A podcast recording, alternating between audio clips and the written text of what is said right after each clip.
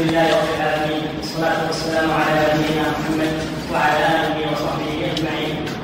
أما بعد قال المؤلف رحمه الله تعالى وقال النبي صلى الله عليه وسلم إلى أن تعبد؟ قال ستة في الأرض وواحدة في السماء. قال من برغبتك ورغبته قال الذي في السماء. قال فاترك الستة واعبد الذي في السماء وأنا أعلمك دعوتين فأسلم وعلمه النبي صلى الله عليه وسلم أن يقول اللهم أنزلني ربي وقيني شر نفسي. بسم الله الرحمن الرحيم. الحمد لله رب العالمين صلى الله وسلم على نبينا محمد وعلى آله وصحبه وبعد. فهذا الحديث من أدلة العلو وهو أن النبي صلى الله عليه وسلم قال لحسين والد والد عمران رضي الله تعالى عنهما. كم تعبد؟ النبي صلى الله عليه وسلم يريد أن يقرر التوحيد وأن يبطل الشرك وذلك بالبرهان الذي يعترف به الخصم. قال أعبد سبعة يعني سبعة آلهة ستة في الأرض وواحدا في السماء. والواحد الذي في السماء هو الله سبحانه وتعالى. قال فما الذي تعده لرغبتك ورهبتك؟ قال الذي في السماء. فهذا يبين ما كان عليه المشركون من تخبط في العبادة وأنهم لما تركوا التوحيد صاروا يعبدون آلهة كثيرة. قال الله سبحانه وتعالى أأرباب متفرقون خير أم الله؟ الواحد القهار. ما تعبدون من دونه إلا أسماء سميتموها. أنتم وآباؤكم ما أنزل الله بها من سلطان. وقال سبحانه وتعالى ضرب الله مثلا رجلا فيه شركاء متشاكسون ورجلا سلما لرجل. هل يستويان مثلا؟ الحمد لله بل أكثرهم لا يعلمون. وذلك مثل للموحد والمشرك. فالمشرك مثل العبد الذي يملكه عدة أسياد. لا يدري من يرضي منهم. لأن رغباتهم مختلفة. كل له إرادة تخالف إرادة الآخر. فهو في حيرة من أمره. لا يدري من يرضي منهم. لتفاوت مطالبهم. وهو في قلق في حياته من هؤلاء الشركاء. المتشاكسون. وأما الموحد فهو مثل الذي يملكه سيد واحد يعرف رغبته ويعرف مطالبه فهو معه في راحة. كذلك الذي يعبد إلها واحدا هذا يكون مطمئن البال. وأما الذي يعبد آلهة متعددة فإنه يكون قلقا مشوشا لا يدري بماذا يتقرب إلى كل واحد منهم. وهذا حسين يقول إنه يعبد ستة في الأرض من الأصنام ويعبد واحدا في السماء وهو الله. ففيه إثبات أن الله في السماء حتى عند المشركين. وهم مشركون يعترفون أن الله في السماء. فقال له النبي صلى الله عليه وسلم ما الذي تعده لرغبتك ورهبتك؟ يعني عندما ترغب شيء تحتاج إلى شيء من الذي تطلب منه حوائجك؟ وعندما تخاف من شيء من الذي تطلب منه أن يؤمنك من هذا الخوف؟ قال الذي في السماء. إذا تقرر توحيد بدليله في أن هذه الآلهة المتعددة لا تنفع في الرخاء ولا في الشدة. وإنما الذي ينفع في الرخاء والشدة هو الله سبحانه وتعالى. وهذا أيضا متقرر عند المشركين. أنهم إذا وقعوا في الشدة فإنهم يخلصون الدعاء لله عز وجل وينسون آلهتهم لأنهم يعلمون أنه لا يخلص من الشدائد والكربات إلا الله سبحانه وتعالى. فقال دع الستة واعبد الذي في السماء وأعلمك كلمتين. فأسلم حسين رضي الله عنه وعلمه النبي صلى الله عليه وسلم هاتين الكلمتين. اللهم ألهمني رشدي وقني شح نفسي. فإذا ألهم الله العبد رشده حصل له خير الدنيا والآخرة. ألهمه يعني وفقه. وفقه للرشد. وهو الصواب والحق في كل شيء. وإذا وقاه شح نفسه فإنه أيضا يسلم من البخل ومنع الحقوق ويسلم من التعدي على الناس. بأخذ أموالهم وسلب أموالهم بأي طريق. ويقتصر على ما أباح الله له. الذي وقي شح نفسه هذا يقتصر على الحلال. وأيضا تسمح نفسه بالإنفاق في سبيل الله. عز وجل ما يجده مدخرا له عند الله جل وعلا. فإذا وفق الإنسان لهاتين الخصلتين ألهمه الله رشده ووقاه شح نفسه فإنه قد جمع الله له خيري الدنيا والآخرة.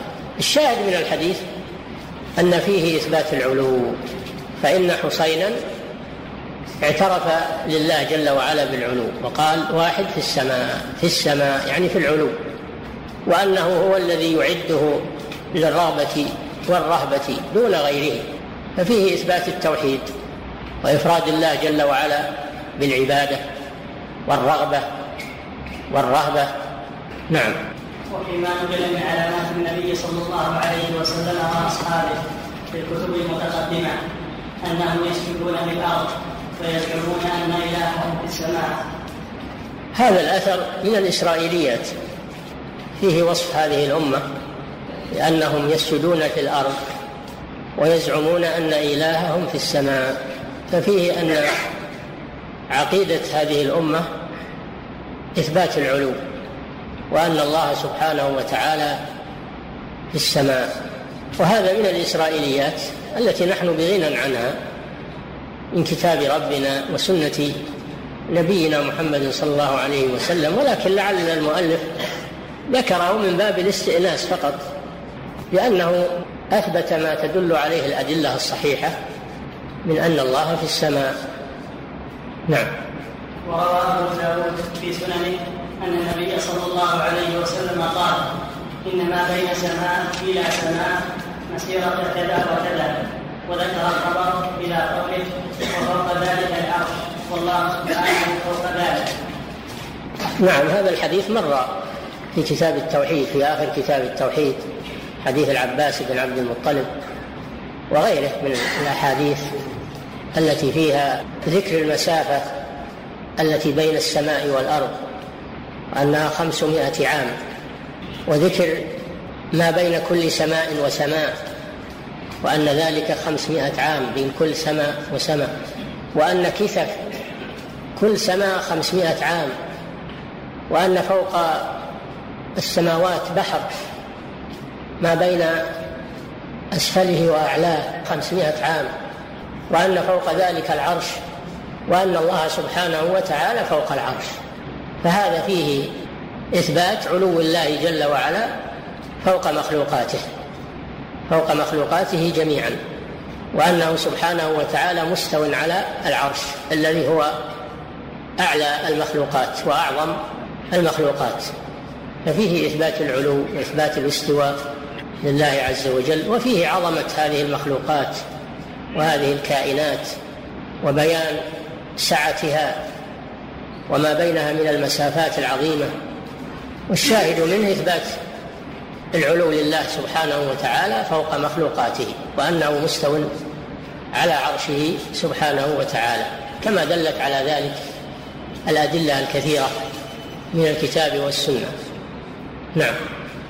فهذا ما أشبه مما اجمع السلف رحمهم الله على نقله وقبوله ولم يتعرضوا لرده هذا هذا الذي ذكره المؤلف من الآيات القرآنية والأحاديث النبوية من إثبات الصفات لله عز وجل مما أجمعت الأمة على نقله وقبوله وعدم التعرض له بالتأويل أو بالتشبيه.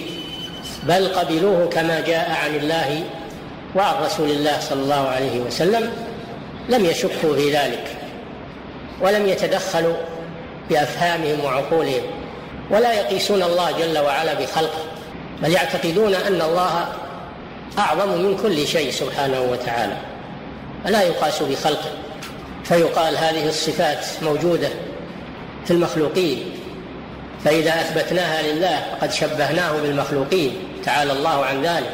بل نقول القاعدة العظيمة أنه لا تشابه بين صفات الخالق وصفات المخلوق كما أنه لا تشابه بين ذات الخالق وذوات المخلوقين وأن مجرد الاشتراك في الألفاظ والمعاني لا يدل على التشابه في الحقيقة والكيفية.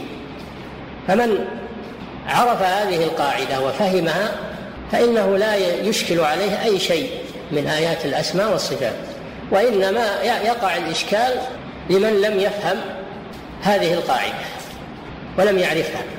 فحينئذ يقع في نفسه شيء من الشكوك والأوهام. أما من عرف هذه القاعدة وهي الفرق بين الخالق والمخلوق والفرق بين صفات الخالق وصفات المخلوق.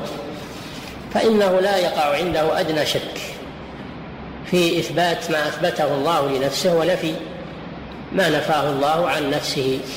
والرسول صلى الله عليه وسلم مبلغ عن الله جل وعلا لا ينطق عن الهوى إن هو إلا وحي يوحى.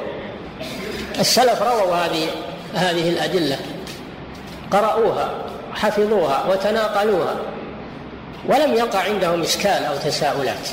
مما دل أنها على ظاهرها وعلى مدلولها وعلى أنه يجب إقرارها وإمرارها من غير تعرض لمعناها بالتأويل أو بالتشبيه أو غير ذلك مما يقع من الخواطر النفسية أو ما يلقيه شياطين الإنس والجن ليضلوا عباد الله ويصرفوهم عن كتاب ربهم وسنة نبيهم فالقرآن في غاية البيان وغاية الفصاحة والسنة بغاية البيان وغاية الفصاحة. لا يراد منهما غير ما يظهر من ألفاظهما. ولو كان يراد من أدلة القرآن والسنة غير ما يظهر من ألفاظهما لكان القرآن والسنة فيهما تضليل للناس. والله أنزل القرآن والسنة لهداية الناس ولم ينزلهما لتضليل الناس وحمل الناس على أن يعتقدوا خلاف ما تدل عليه هذه النصوص. فهذا وصف للقرآن والسنة بأنه تضليل للأفهام والعقول. ولذلك احتاجوا إلى التأويل وإلى تحريف وإلى فهذا اتهام لكلام الله وكلام رسوله بعدم الوضوح وعدم البيان وعدم وعدم الهداية. نعم. هذا وما أشبهه مما أجمع السلف رحمهم الله على نقله وتركه ولم يتعرضوا لرده ولا تأويله ولا تشبيهه ولا تمثيله.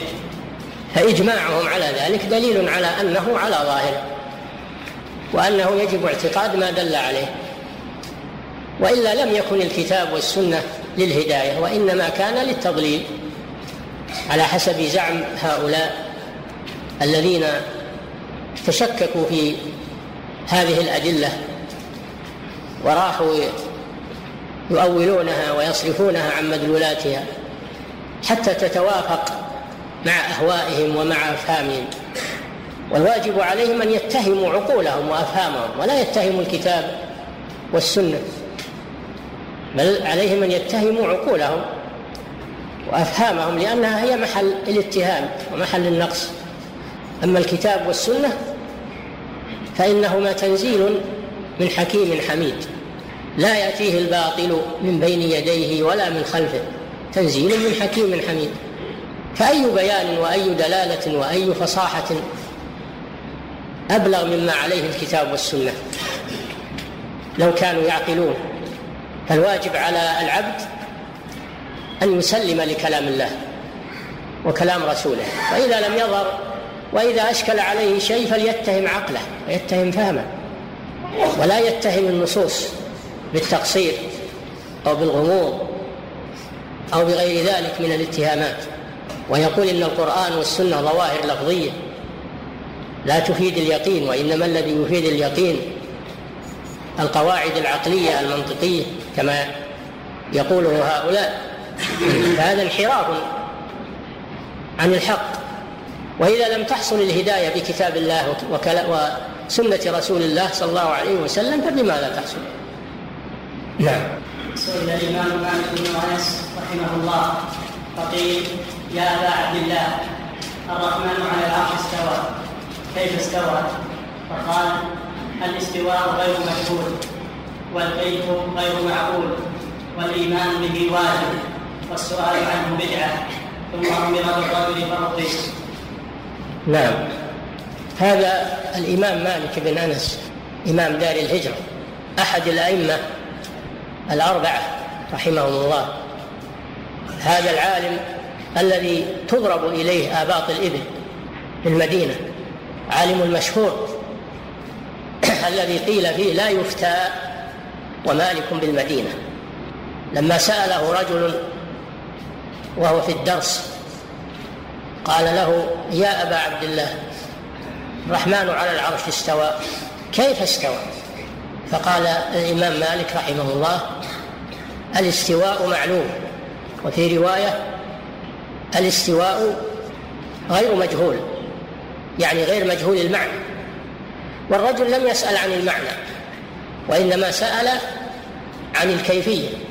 يقول كيف؟ استوى. الإمام مالك يقول ما لنا دخل إلا في المعنى والمعنى غير مجهول. الحمد لله. معنى معلوم. وما دام المعنى معلوم هذا هو الذي يقصد من من اللفظ. فالمعنى غير مجهول حتى تسأل عنه. كان المفروض أنك تسأل عن المعنى. إذا كنت لا تعرفه فنحن نوضحه لك. لأنه غير مجهول. أما السؤال عن الكيف فهذا غير معقول. ولا يجوز السؤال عن الكيفية لأن الكيفية أسماء الله وصفاته لا نعلمها. قال الله جل وعلا ولا يحيطون به يعلم ما بين أيديهم وما خلفهم ولا يحيطون به علما نحن لا نحيط بالله جل وعلا بذاته وبأسمائه وصفاته هذا لا يعلمه إلا الله سبحانه وتعالى. لا أحد من الخلق يعلم كيفية ذات الله وأسمائه وصفاته. لا يعلم ذلك إلا الله سبحانه وذلك لعظمته سبحانه وتعالى. الكيف غير غير معقول لنا يعني لا تدركه عقولنا. فما فليس من حقك أن تسألنا عن الكيف لأنه ليس بإمكاننا أن نجيبك لأن هذا لا تدركه عقولنا. ثم قال والإيمان به واجب. الإيمان به أي بالاستواء على معناه ودون التعرض لكيفيته أمر واجب على كل مسلم. تسليم والانقياد. والسؤال عنه يعني عن عن الكيفية لأن السائل سأل عن الكيفية. السؤال عنه بدعة. أهل الضلال يقولون لا السؤال عن المعنى. السؤال عن المعنى بدعة ويجب تفويضه. وهذا باطل. الإمام مالك ما قال هذا. يكذبون على الإمام مالك. الإمام مالك وضح رحمه الله. قال الاستواء غير مجهول حتى يحتاج إلى سؤال. والكيف غير معقول فلا يجوز السؤال عنه. والإيمان به أي بالاستواء معنى وكيفية واجب. والسؤال عنه أي عن الكيفية بدعة. لأن الرجل سأل عن الكيفية ولم يسأل عن المعنى. ثم قال للرجل ما أراك إلا رجل سوء. فأمر به فأخرج.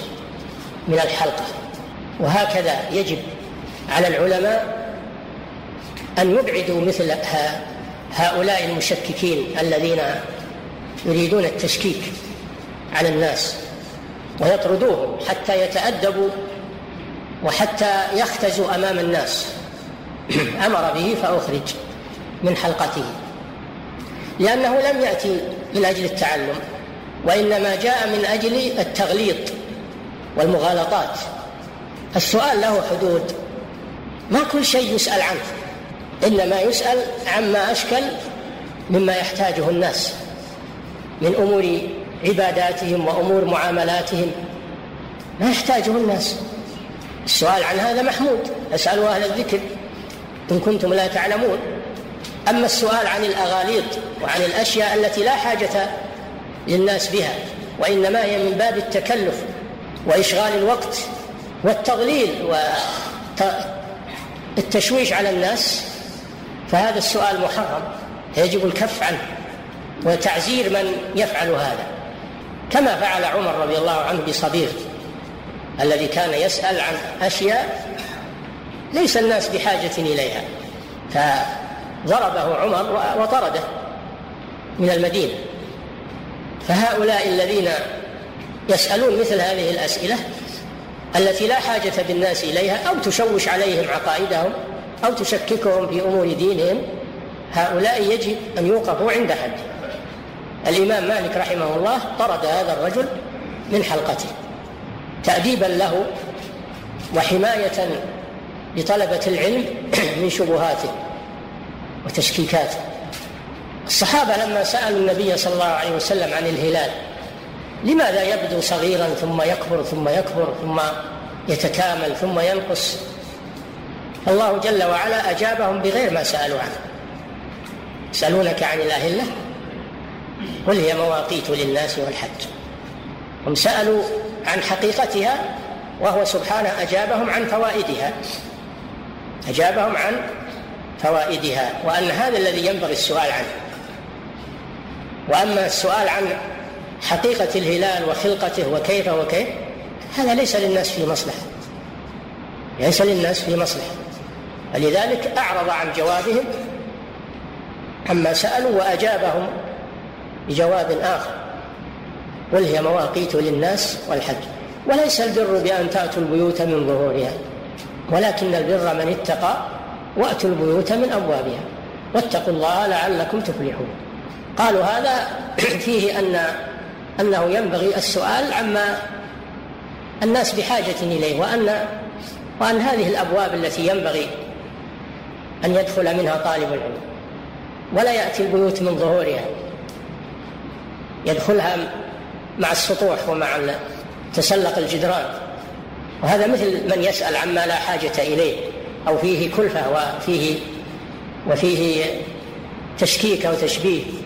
مثل الذي يأتي البيت من من سطحه يتكلف وأما الذي يفتح الباب ويدخل أو يستأذن على أهل البيت ويدخل هذا يأتي البيوت من ابوابها العلم كذلك له أبواب له أبواب ينبغي سلوكها من يريد طلب العلم.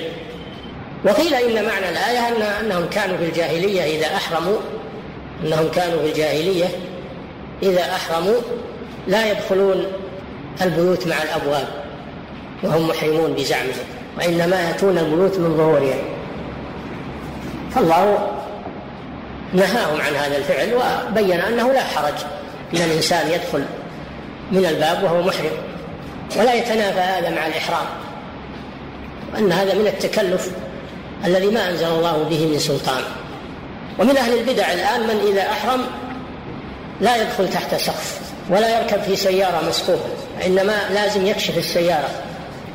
وهذا من جنس هؤلاء من جنس هؤلاء.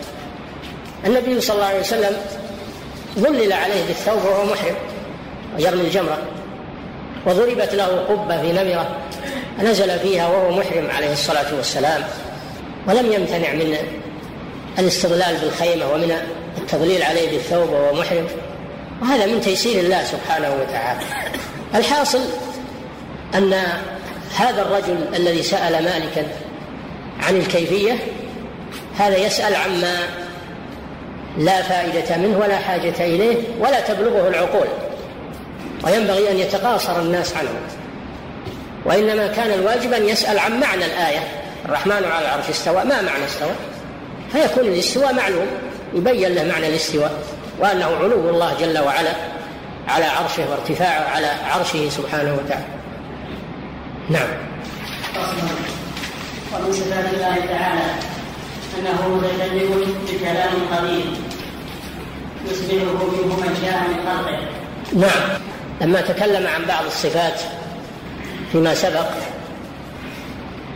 أفرد صفة الكلام بفصل خاص وذلك لأهمية هذه المسألة وكثرة ما وقع فيها من الضلال والانحراف فهو أفردها بفصل عما قبلها لأهميتها. ولكثرة ما وقع فيها من الخلاف.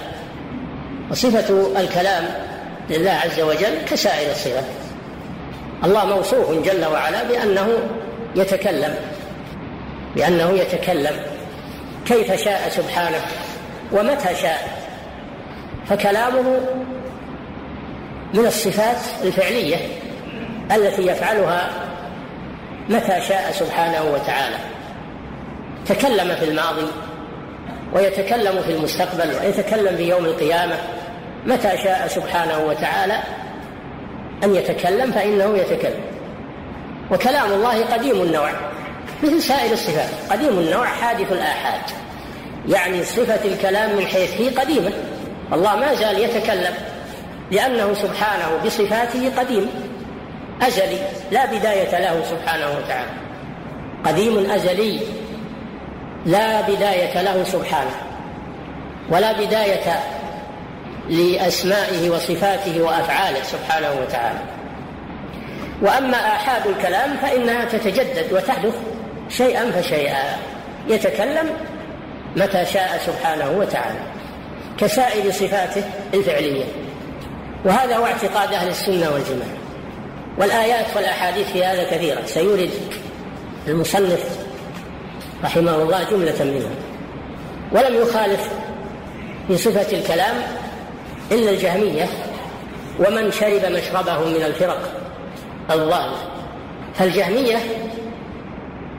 يقولون إن الله لا يتكلم وإنما خلق الكلام وإنما خلق الكلام في غيره خلق الكلام في غيره إما في جبريل وإما في محمد.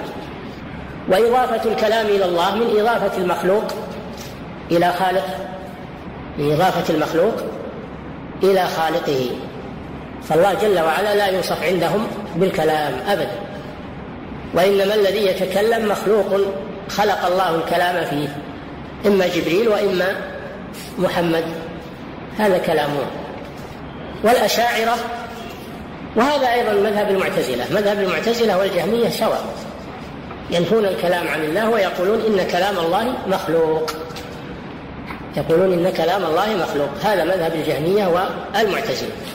الأشاعرة أرادوا أن يجمعوا بين المتناقضات. فقالوا إن الله موصوف بالكلام النفسي. بالكلام النفسي. فقط. كلامه في نفسه فقط. ولم يتكلم بحرف. يسمع ولا بصوت يسمع وإنما هو كلام نفسي عبر عنه جبريل أو عبر عنه محمد صلى الله عليه وسلم. فهذا القرآن عند الأشاعرة هو عبارة عن كلام الله وليس هو كلام الله. عبر به جبريل أو عبر به محمد صلى الله عليه وسلم عن المعنى النفسي. فالمعنى معنى القرآن من عند الله وأما ألفاظه فهي من عند المخلوق. فهم جمعوا بين المتناقضات. جعلوا القرآن مخلوقا وغير وغير مخلوق. مخلوق من حيث اللفظ والحروف وغير مخلوق من حيث المعنى. وهذا باطل وتناقض. تناقض باطل. أهل السنة والجماعة يقولون القرآن كلام الله لفظه ومعناه. ليس كلام الله الحروف دون المعاني ولا المعاني دون دون الحروف. فالقرآن هو كلام الله لفظه ومعناه. تكلم الله به حقيقة. سمعه جبريل وبلغه لمحمد صلى الله عليه وسلم. وسمعه موسى عليه السلام. الله كلم موسى تكليما من غير واسطة وسمعه موسى عليه السلام. في غير ما مر. ولهذا خص موسى بأنه كليم الله. تلك الرسل فضلنا بعضهم على بعض منهم من كلم الله وهو موسى عليه السلام.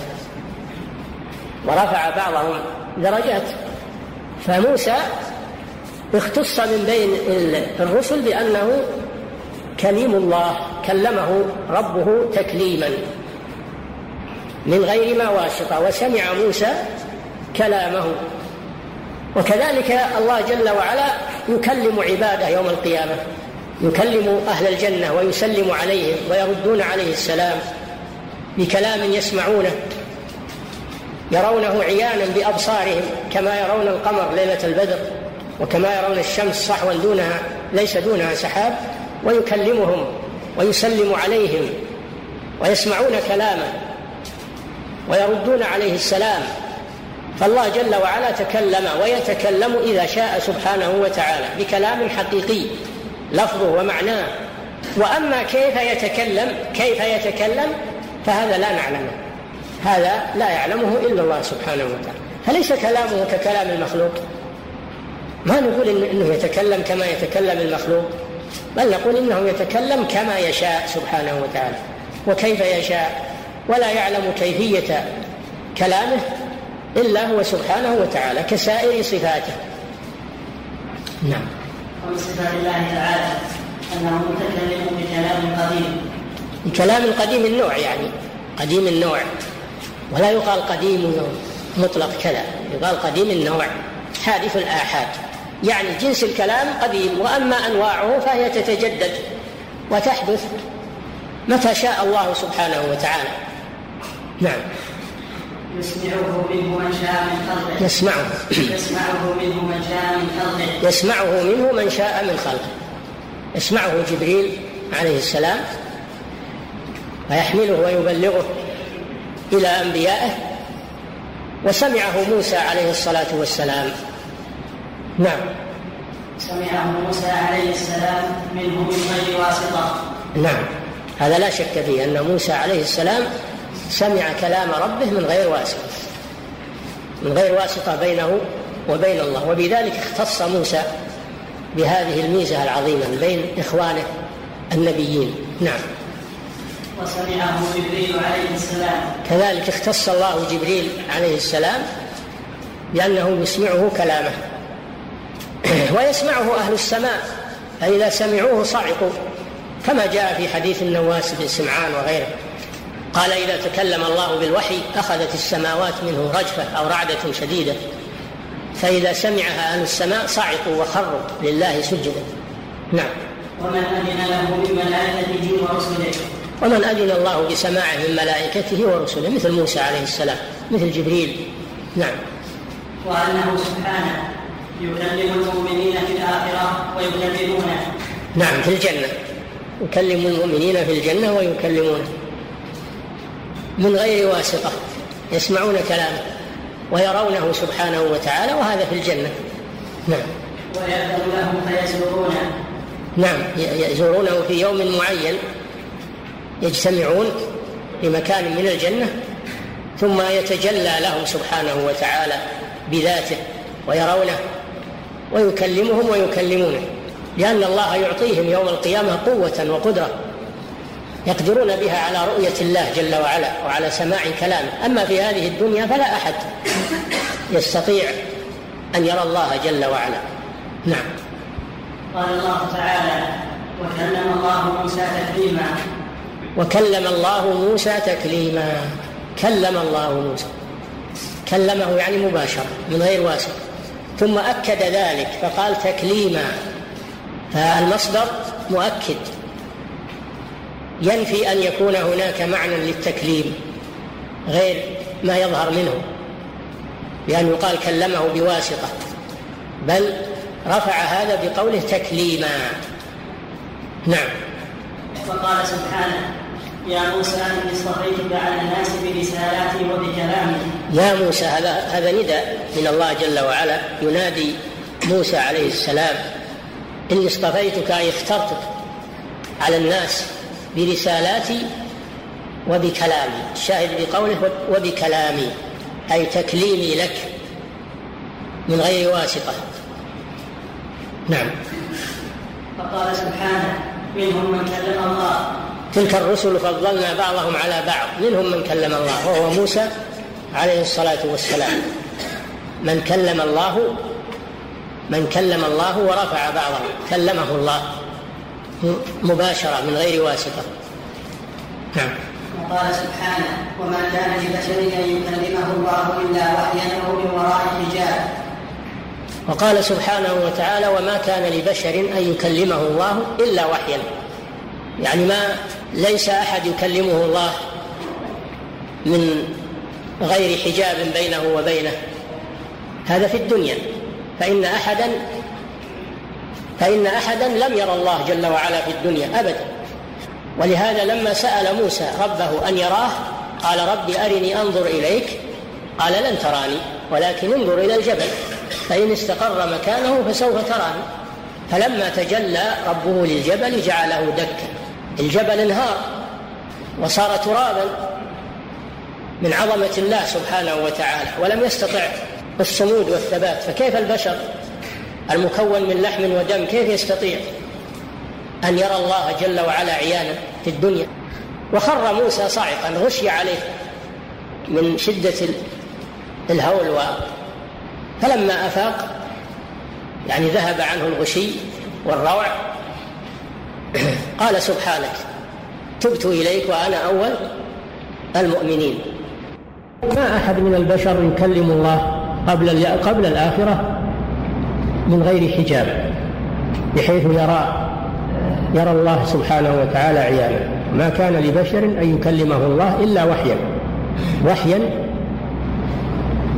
بأن يلهمه إلهاما يلهم البشر إلهاما.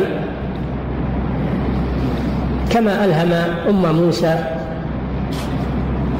أن تعمل مع ولدها ما عملت. وكما يحصل لنبينا محمد صلى الله عليه وسلم أحيانا من وحي الإلهام. هذا يسمى بالإلهام بدون بدون واسطة الملك. إلهام يلهمه الله من يشاء من عباده. إلا وحيا أو من وراء حجاب كما حصل لموسى عليه الصلاة والسلام فإن الله كلمه بدون واسطة لكن من وراء حجاب. لأن موسى لم يرى الله جل وعلا في الدنيا. كما ذكر الله ذلك في سورة الأعراف. رب أرني أنظر إليك. قال لن ترى فهو كلمه من وراء حجاب. أو يرسل رسولا من الملائكة إلى ذلك البشر فيوحي بإذنه ما يشاء. وهذا بواسطة الملك.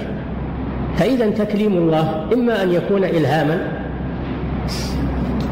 وإما أن يكون تكليما من وراء حجاب وإما أن يكون تكليما بواسطة الملك. وأما أن أن يكلم الله جل وعلا أحدا من خلقه في الدنيا من غير حجاب ويرى ربه رؤية عيان فهذا لم يحصل لأحد. لم يحصل لأحد. وإنما هذا في الآخرة. للمؤمنين خاصة. نعم. قال سبحانه. الشاهد من الآية أن الله أثبت لنفسه الكلام وأنه يكلم من يشاء من وراء حجاب أو بالوحي أو بواسطة الملك. نعم.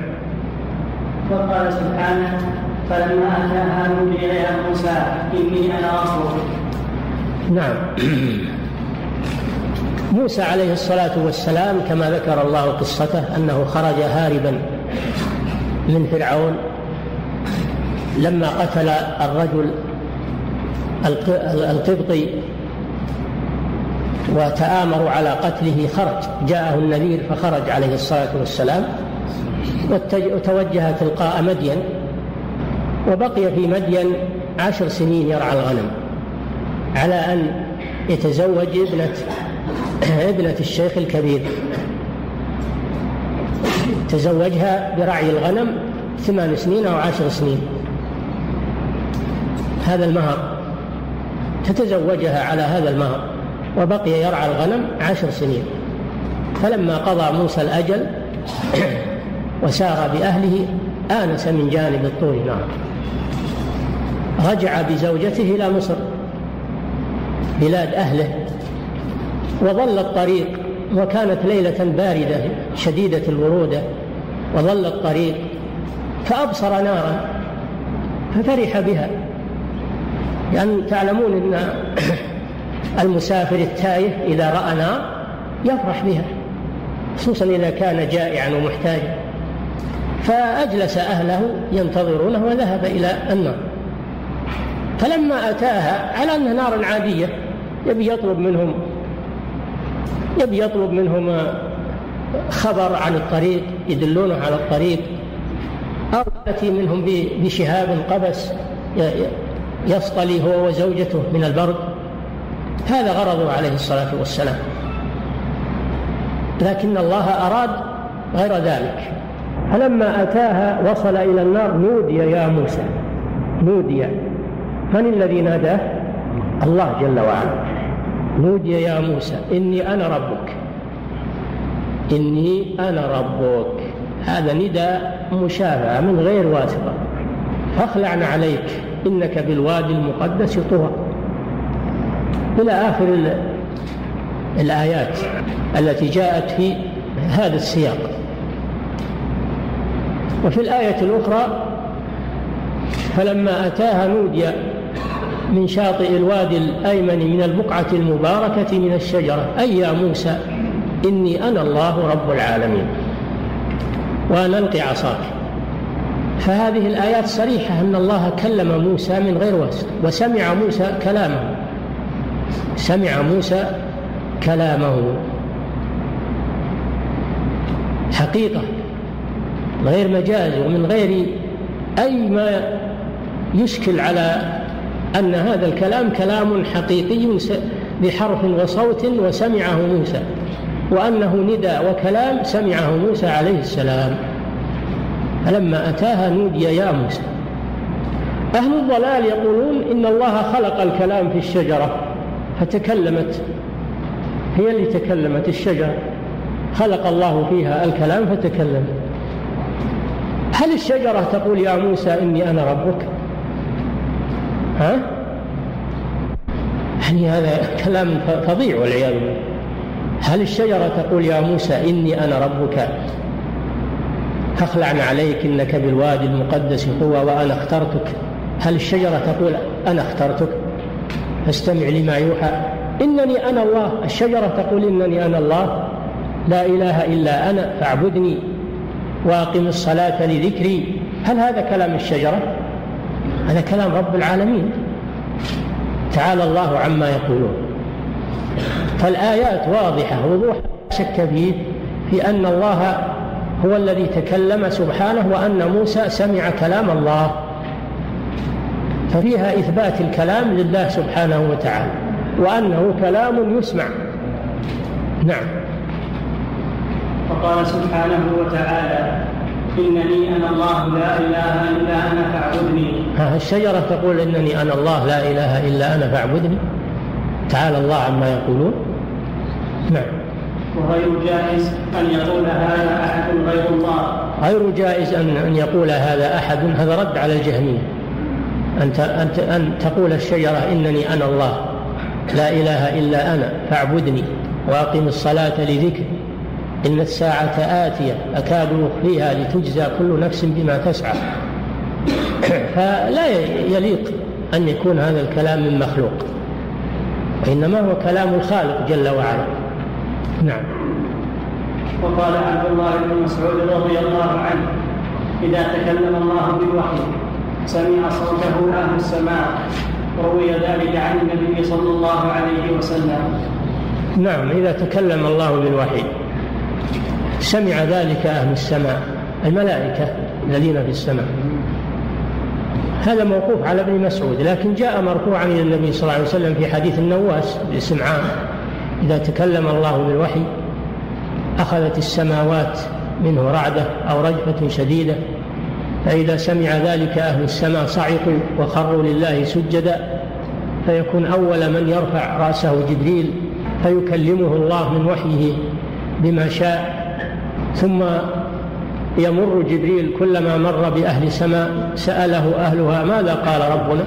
يا جبريل فيقول قال الحق وهو العلي الكبير. فهذا فيه أن الله يتكلم بكلام ترتجف له السماوات من هيبته ترتعد وأن الملائكة يصعقون ويخرون لله سجدا. وأنهم يسألون إذا أفاقوا ماذا قال ربنا يا جبريل؟ فيقول قال الحق.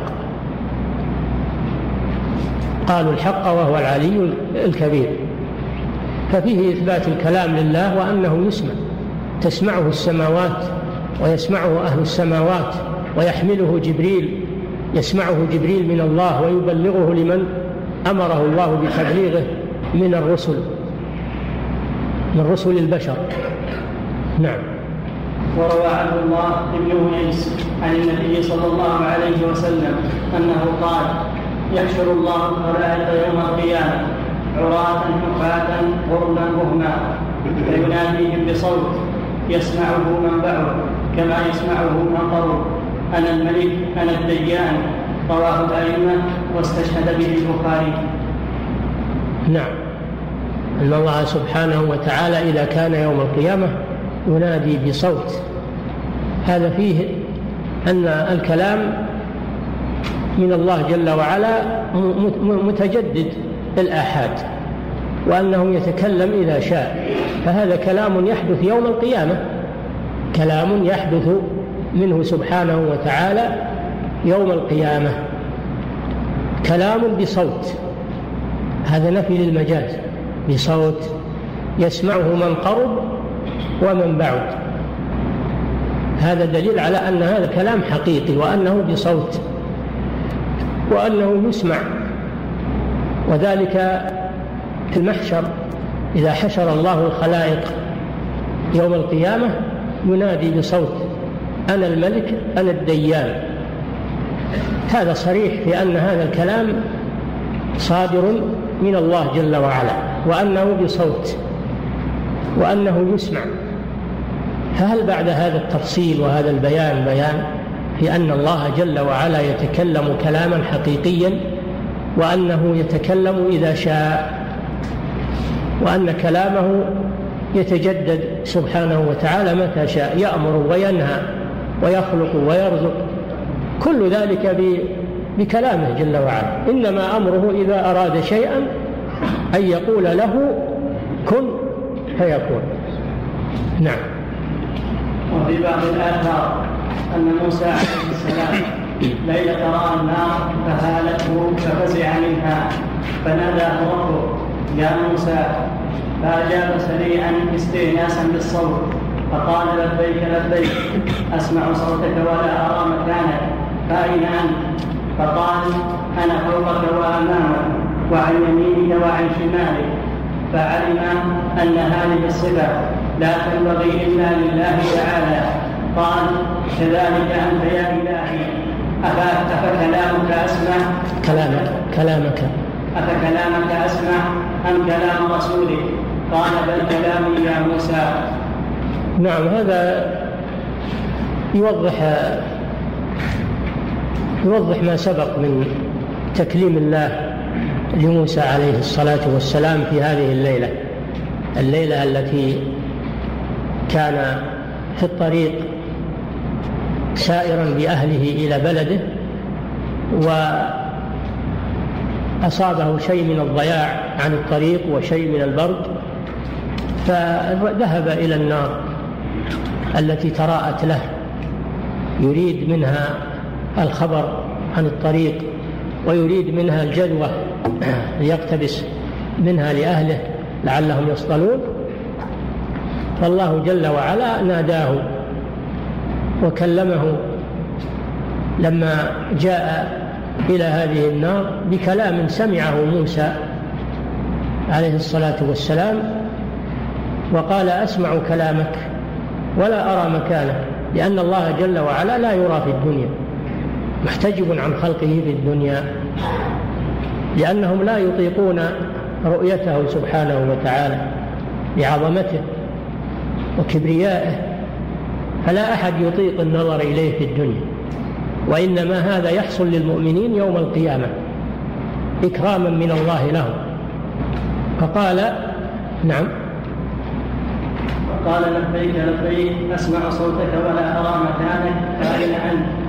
قال أنا فوقك وأمامك. أنا فوقك. هذا فيه إثبات العلو. أنا فوقك وأمامك نعم. وعن يمينك وعن شمالك. وعن يمينك وعن شمالك. أي أن الله جل وعلا محيط. وهو وإن كان جل وعلا في العلو فإنه محيط بخلقه من أي جهة؟ لا يخفى, لا يخفى عليه من أمرهم شيء. فهو في السماء ومع هذا هو محيط بخلقه سبحانه وتعالى. لا يخفى عليه شيء من من أمورهم بل هو مطلع عليهم وشاهد عليهم سبحانه وتعالى.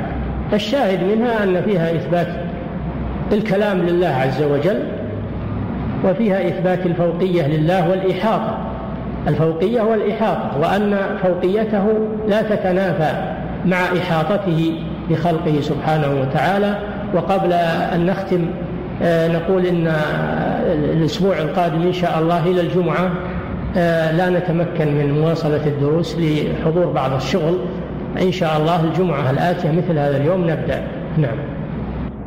فضيلة الشيخ وفقكم الله لماذا أغفل لماذا أغفل المؤلف رحمه الله تعالى كلام الله لنبينا محمد صلى الله عليه وسلم؟ وقد فرض عليه الصلوات الخمس دون واسطة. وذلك ليلة الإسراء والمعراج داخل كلام الله لنبينا محمد صلى الله عليه وسلم داخل في في تكليم الله لعبده من وراء حجاب. النبي صلى الله عليه وسلم لم يرى الله وإنما كلمه من وراء حجاب مثل ما حصل لموسى عليه الصلاة والسلام. ولكن التكليم من غير واسطة بصفة دائمة هذا مع موسى. أما محمد حصل له مرة فقط. نعم. فضيلة الشيخ وفقكم الله.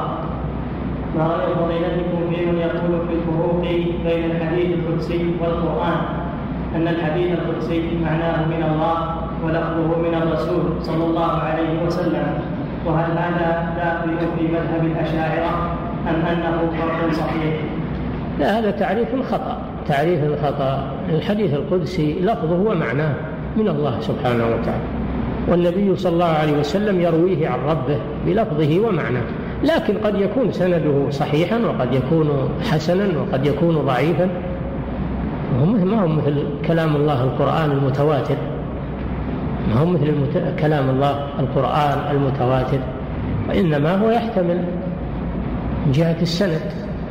لكن إذا صح وثبت فهو كلام الله لفظا ومعنى. نعم. فضيلة الشيخ وفقكم الله. ما معنى الإسرائيليات مروية عن بني إسرائيل. الإسرائيليات الإسرائيليات الأخبار المروية عن بني إسرائيل. ولم يثبت بها دليل عن نبينا محمد صلى الله عليه وسلم. والإسرائيليات إذا خالفت الكتاب والسنة وجب رفضها وردها. ولا تصدق. إذا خالفت ما جاء به محمد صلى الله عليه وسلم فإنه يجب رفضها وردها. وإذا لم تخالف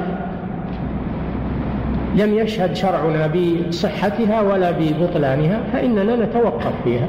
إذا لم يشهد شرعنا بنفيها ولا بإثباتها فإننا نتوقف. لا نقبلها لاحتمال أن تكون كذبا ولا نردها لاحتمال أن تكون صدقا أو فيها شيء من الصدق. ولهذا قال صلى الله عليه وسلم إذا حدثكم بنو إسرائيل فلا تصدقوهم ولا تكذبوهم وقولوا آمنا بالذي أنزل إلينا وأنزل إليكم وإلهنا وإلهكم واحد ونحن له مسلمون فالذي لم يشهد شرعنا بتصديقه ولا بتكذيبه نتوقف فيه لا نصدقه ولا نكذبه نعم. فضيلة الشيخ وفقكم الله طلاب العلم يسألون أحيانا يسألون أحيانا عن أمور يواجهونها أثناء أثناء قراءتهم في كتب العقيدة المختلفة وتشكل عليهم حيث إن كثيرا من كتب العقيدة لا تشرح ولهم مصلحة في فهمها. هل يسألون عما يشكل؟ لا بد من هذا. نعم يسألون عما يشكل. يسألون عما يشكل لكن طالب العلم ما يستغني عن المعلم؟ لا يستغني عن المعلم. لا بد من المعلم الذي يقرأ عليه ويتلقى عنه العقيدة بطريقة صحيحة ولا يقتصر على قراءته أو على مطالعته. نعم. فضيلة الشيخ وفقكم الله كيف نجمع بأن العرش سقف الجنة وبين أن فوق السماء وبين أن فوق السماوات ماء والعرش فوق الماء. وكذلك كيف تكون جنة الفردوس؟ أعلى الجنة وأوسط الجنة. هذا من خلق الله سبحانه وتعالى. الله على كل شيء قدير. نحن ما نتكلم إلا حسب ما يأتي من الأدلة. هذا من علم الغيب الذي لا يعلم ولا من لا يعلمه إلا الله. ولا منافاة بين كون العرش سقف الجنة وكون العرش فوق فوق الماء. لا منافاة بين ذلك. نعم. فضيلة الشيخ وفقكم الله هل قولنا إن الله يعلم ما لم يكن؟ لو كان كيف يكون؟ صحيح؟ وهل وردت هذه العبارة عن السلف؟ نعم هذه يقولون يعلم ما كان وما يكون وما لم يكن كيف يكون. استدلوا على ذلك بقوله ولو ردوا لعادوا لما نهوا عنه ولو ردوا لعادوا لما نهوا عنه. فردهم إلى الدنيا هذا لن لن يحصل أبدا مستحيل. ومع هذا علم ما سيكون لو ردوا. ولو ردوا لعادوا لما نهوا عنه. نعم. فضيلة الشيخ وفقكم الله. قوله في الأثر أنا فوقك وأمامك وعن يمينك وعن هل يلزم منه أن الله سبحانه في كل مكان بذاته أم المراد علمه؟ أنا شرحت لكم هذا. قلت لكم إن الله فوق مخلوقاته. الحديث هذا مثل غيره من الأدلة يدل على علو الله على عرشه ومع علوه فهو محيط بجميع مخلوقاته لا يخفى عليه منها شيء. فهو فوق سماواته وعلمه سبحانه وإحاطته في كل مكان. نعم. فضيلة الشيخ وفقكم الله ما رأي فضيلتكم في مقولة إن الكلام صفة ذاتية فعلية وليس صفة فعلية فقط. أنا ما أدري ما هذا اللي يقول الصفات منها شيء ذاتي فعلي. الصفات على قسمين صفات ذاتية وصفات فعلية. هذا هو المعروف. هذا هو المعروف. نعم. فضيلة الشيخ وفقكم الله. هل مكان الوادي المقدس معروف الآن وإن كان معروفا وزاره أحد هل يخلع عليه. هذا خاص بشريعة بني إسرائيل خاص بشريعتهم. وأما الوادي المقدس والله أعلم أنه في سيناء في سيناء بين الأردن وبين وبين مصر. نعم. فضيلة الشيخ وفقكم الله ما معنى ما ورد في الأثر غرلا بهما الغر غير مختونين والبهم والله أعلم أنهم خفاة عراة. نعم. فضيلة الشيخ وفقكم الله. قال الإمام أحمد رحمه الله من قال إن أسماء الله تعالى مخلوقة فقد كفر أرجو أن توضحوا لي هذه الجملة. نعم نعم. قال الإمام أحمد رحمه الله من قال إن أسماء الله تعالى مخلوقة فقد كفر أرجو أن توضحوا لي هذه الجملة. ما ما رأيت أنا كلام الإمام أحمد هذا إن أحد قال إن أسماء الله مخلوقة. ما ما أدري. نعم. فضيلة الشيخ وفقكم الله. الجوارح تتكلم يوم القيامة وكذلك الحصى سبح في كف النبي صلى الله عليه وسلم نعم. وتكلم الحجر. فهل نقول عن هذا الكلام إنه بلا كيفية أم أن له كيفية؟ هذا كلام نثبته الله جل وعلا قادر على أن ينطق الحجر وأن ينطق الجمادات وأن ينطق الأعضاء. هذا من قدرة الله سبحانه وتعالى. وأنها تتكلم بكلام يسمع. حسب حسب خلقتها وحسب ما يجعله الله جل وعلا فيها من القدرة على الكلام. نعم. الله على كل شيء قدير. ينطق ما يشاء سبحانه وتعالى. نعم. فضيلة الشيخ وفقكم الله ذكر شارح الطهامية أن الفلاسفة يقولون إن كلام الله سبحانه هو ما يضيفه على النفس بين المعاني من العقل الفعال فماذا يقصدون بالعقل الفعال؟ نعم هذا كلام الفلاسفة ما يفيض. يقولون كلام الله ما يفيض على النفوس. من العقل الفعال وهم مختلفون في العقل الفعال. هل هو القمر أو غير القمر أو الفلك أو الله أعلم. لكن هذا كلام باطل بلا شك. وهذيان مردود. قول على الله بلا علم. تعالى الله عن ذلك. نعم. فضيلة الشيخ وفقكم الله ما معنى قول الفرق الضالة من هذه الأمة؟ بأن معنى كلام الرب واحد هو الأمر والنهي والخبر. وهو معنى التوراة والإنجيل والزبور والقرآن وهو قول الأشعرية والكلابية. أرجو توضيح فضيلتكم هذا المعنى النفسي. هذا المعنى النفسي عندهم. الكلام النفسي. ويقولون انه كلام الله هو المعنى القائم بذاته. إن عبر عنه بالعبرية صار توراة. وإن عبر عنه بالسريانية صار إنجيلا وإن عبر عنه بالعربية صار قرآنا وإلا هو شيء واحد. هذا كلام باطل ومردود. نعم. فضيلة الشيخ وفقكم الله ما معنى وصف العلماء بكلام الله سبحانه بأنه وجودي غير مخلوق وقولهم أيضا غير مخلوق ولا محدث ولا حادث هل هذه الكلمات مترادفات أم معانيها مختلفة؟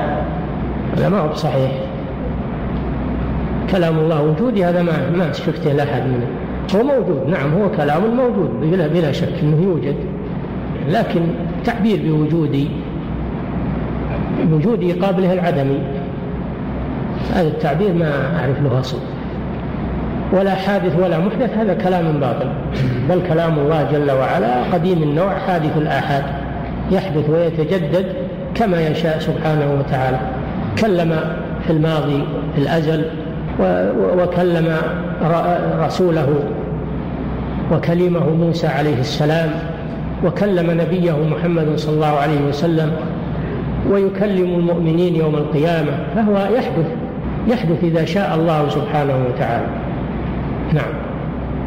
فضيلة الشيخ وفقكم الله. في يوم الاثنين القادم ستقام صلاة الاستسقاء إن شاء الله. فهل يجوز إقامة صلاة الاستسقاء في المدرسة؟ جماعة مع الطلاب والمدرسين في وقتها. بما في ذلك من آثار طيبة على الطلاب. المطلوب في الاستسقاء وصلاة العيد البروز بروز أهل البلد في مكان واحد. إذا أمكن أو عدة أمكنة أما الصلاة في المدارس فهذا غير معروف عند السلف ما كانوا يتوزعون يصلون في كل يصلي في مكانه وكل جملة من الناس يصلون في في مكانه بل كانوا يجتمعون ويخرجون ويبرزون يصلون جميعا ويتضرعون إلى الله سبحانه وتعالى. والمطلوب إلى المسلمين الاجتماع اجتماع ما هو المطلوب التفرق والتشتت. فالطلاب يرخص لهم في صلاة الاستسقاء يطلعون ويصلون مع المسلمين ولا يعودون الافتراق و... والتشتت. نعم. فضيلة الشيخ وفقكم الله. أنا معلم في مدرسة ابتدائية وقام أحد الطلاب بسؤالي عن أسئلة مشكلة وهي لماذا خلق آدم من تراب؟ والسؤال الآخر رجل كافر ثم أصابه الجنون. ماذا يكون ماذا يكون مصيره في الآخرة. فكيف أجيبه على هذه الأسئلة؟ لا تجيبه. هذه أسئلة فارغة لا فائدة من ورائها. وجواب مثل هذا السكوت. إذا نطق السفيه فلا تجبه فخير من إجابته السكوت. هذا ما سأل عن طهارته وعن صلاته وعن الأمور التي هو مسؤول عنها يوم القيامة. الله بيسألك يوم القيامة لماذا خلق آدم من تراب؟ أو بيسألك إذا مات الكافر أو جن الكافر ومات ماذا يكون مصيره؟ ما هو سائلك الله عن هذا. يسألك عن أمور صلاتك وعن أمور عبادتك وعن أمور عقيدتك. هذا الذي تسأل عنه يوم القيامة. نعم. مثل هالأسئلة لا تجيب عليها أبدا ولا تفتح المجال للطلاب. وأدبوهم عن أن يسألوا مثل هذه الأسئلة. نعم. فضيلة الشيخ وفقكم الله ألح علي أهلي وأولادي أن أدخل في البيت التلفزيون ولا نرى فيه المسلسلات والأغاني ولكن نرى القرآن الكريم والبرامج الدينية. هل تدخله وأدخلهم أم لا؟ ما دام الله معافيك منه فأنت تجنب هذا الشيء ولا يغرونك بأنهم ما يرون إلا كذا ولا يرون إلا كذا. هذا في البداية. ثم ينجرفون بعد ذلك. والقرآن الحمد لله ميسور. من أراد القرآن ميسور. بالأشرطة وبالإذاعة إذاعة القرآن. إذاعة القرآن الآن من يريد يتعلم القرآن ويسمع القرآن فهو ميسور. الليل والنهار ولله الحمد. الأشرطة والمصاحف المرتلة ميسور. تسمعها متى شئت. وأنت في السيارة وأنت في البيت وأنت في العمل. فالذي يريد القرآن؟ الله جل وعلا يقول ولقد يسرنا القرآن للذكر فهل من مدكر؟ ومن تيسير الله للقرآن هذه الأشرطة وهذه الإذاعة القرآنية التي تذيع القرآن في كل الليل والنهار. ما داعي إلى التلفزيون. نعم. والله تعالى أعلم صلى الله وسلم على نبينا محمد وعلى آله وسلم